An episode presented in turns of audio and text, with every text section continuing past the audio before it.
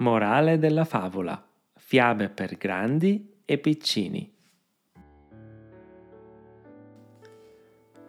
La lepre e la tartaruga. La lepre si vantava con tutti gli animali. Nessuno può battermi in una gara di velocità.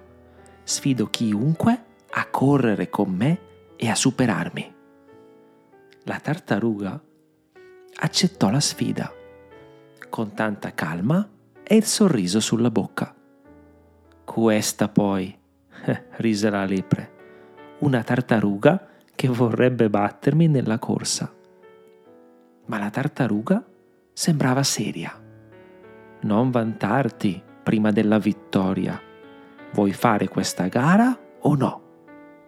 La lepre accettò. Così fu stabilito il percorso e dato il via.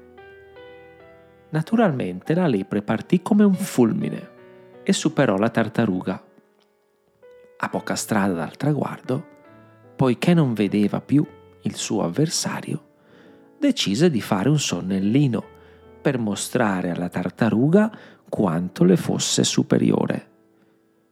Tuttavia, la tartaruga avanzava passo dopo passo e non impiegò molto a raggiungere la sua avversaria. Poi, visto che quella ancora dormiva, andò avanti e tagliò il traguardo. Quando la lepre si svegliò, ormai era troppo tardi e la tartaruga aveva vinto la gara. Così disse alla lepre, non basta correre, bisogna partire per tempo.